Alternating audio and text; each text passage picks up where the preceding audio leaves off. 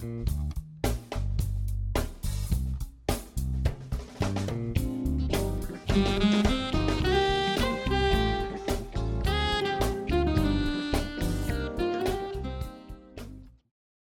svima, moje ime je Tijana Velemirov, a vi slušate podcast Svet freelansa. Današnja lekcija je lekcija broj 11. Dobro slušaj ko ti daje savet. Sa naglaskom na ko. Um, hoću da vam kažem da je jako bitna stvar da kada god krećemo nešto novo, nebitno da li je to nešto u poslu ili ovako privatno, dosta često nam ljudi daju saveti, feedback i mišljenje i misle da su pozvani da komentarišu, um, nude nam pomoć koja često nije ni pomoć nego više neko mešanje u naše stvari.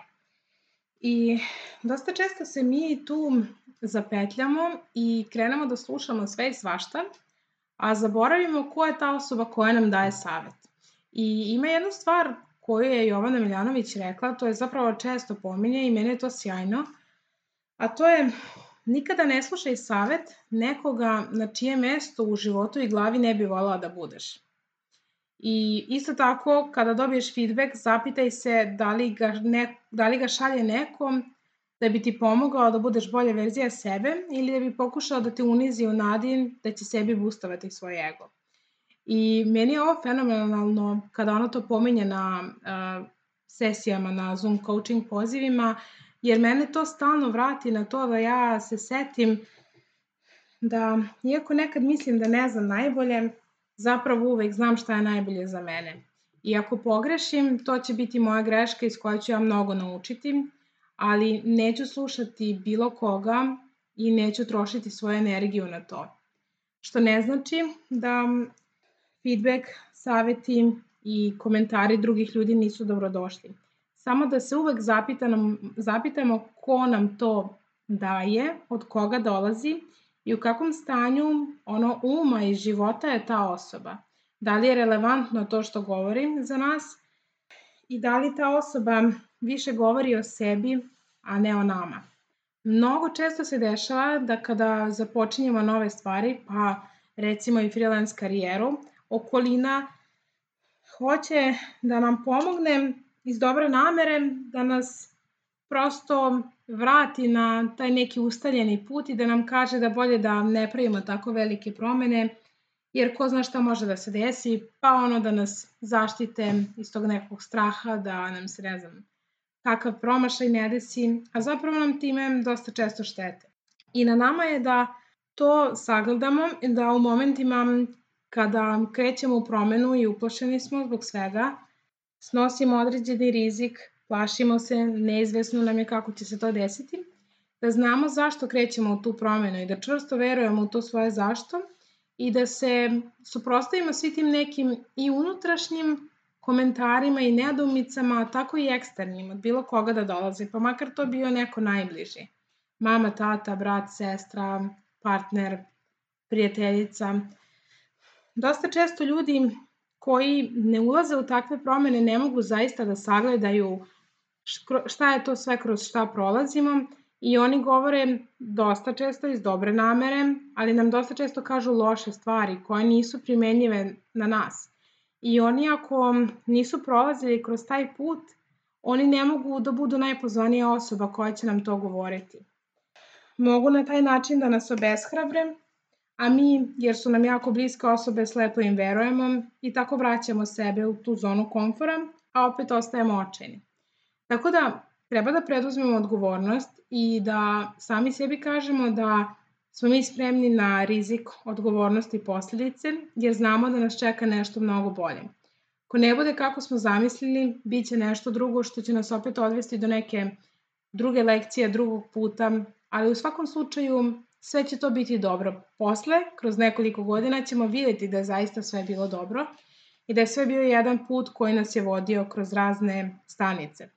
Rekla bih vam da je možda najbolje da savet, feedback, podršku, mesto za priču i za razmenjivanje utisaka tražite na mestima i u ljudima koji prolaze kroz slične stvari kao vi.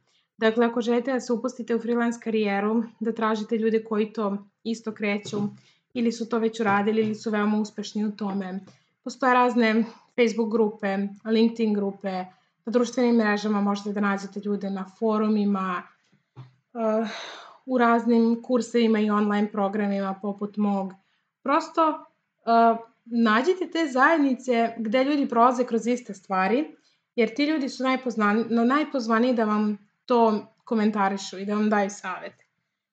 Što ne znači da vi sa svojim bližnjima ne treba da komentarišete sve ovo, samo prosto možda da uzimate stvari sa rezervom i da provučete kroz filtere i da zaista vi odlučite da li vam to donosi dobro ili ne. I treba da se izdignemo iz toga da kada god nam neko govori nešto loše, da zapravo ti ljudi govore više o sebi i da prosto nađemo to neko saosećanje za te ljude, da se ne ljutimo, da ne budemo besni, jer prosto mi od toga nemamo ništa, nama se samo spušta energija, loše se osjećamo, nervozni smo, pokvari nam se dan i onda samo onesposobimo sebe za sve dobro što bismo mogli u tom danu da uradimo.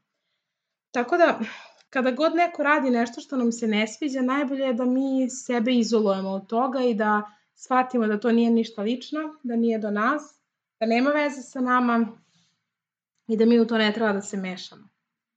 Isto tako treba da tako jasno postavimo granice da ljudi to znaju, kada mogu nešto da urade, a kada su prevazišli meru i kada prosto to više ne treba da rade. Na taj način čuvamo svoje mentalno zdravlje, a samim tim omogućavamo sebi da budemo bolji u svakom aspektu svog života.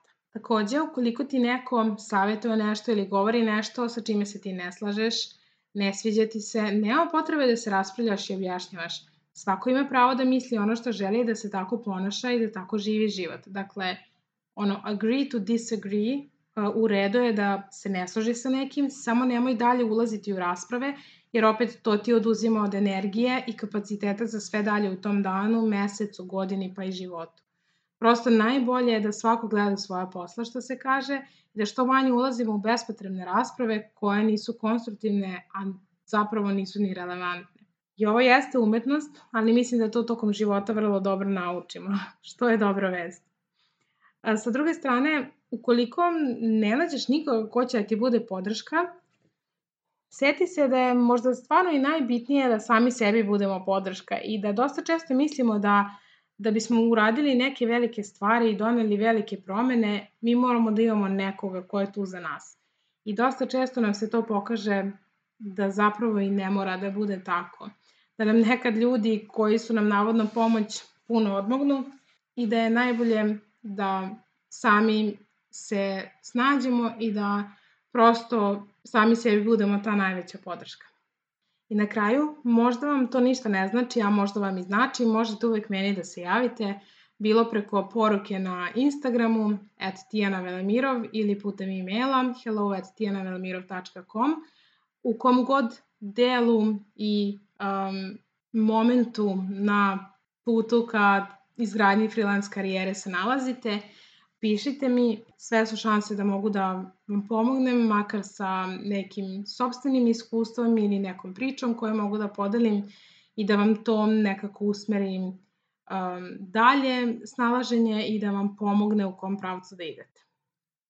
Toliko za danas. Čujemo se sutra. Ćao! Prijeve za moj online program Postani freelancer – traju do 8. decembra ove godine. Ako želiš da zarađuješ više, napreduješ brže, imaš fleksibilno radno vreme i stekneš finansijsku slobodu i nezavisnost, postani freelancer online program je pravo mesto za tebe. Prijavi se do 8. decembra na www.tijanavelemирov.com stranica online program.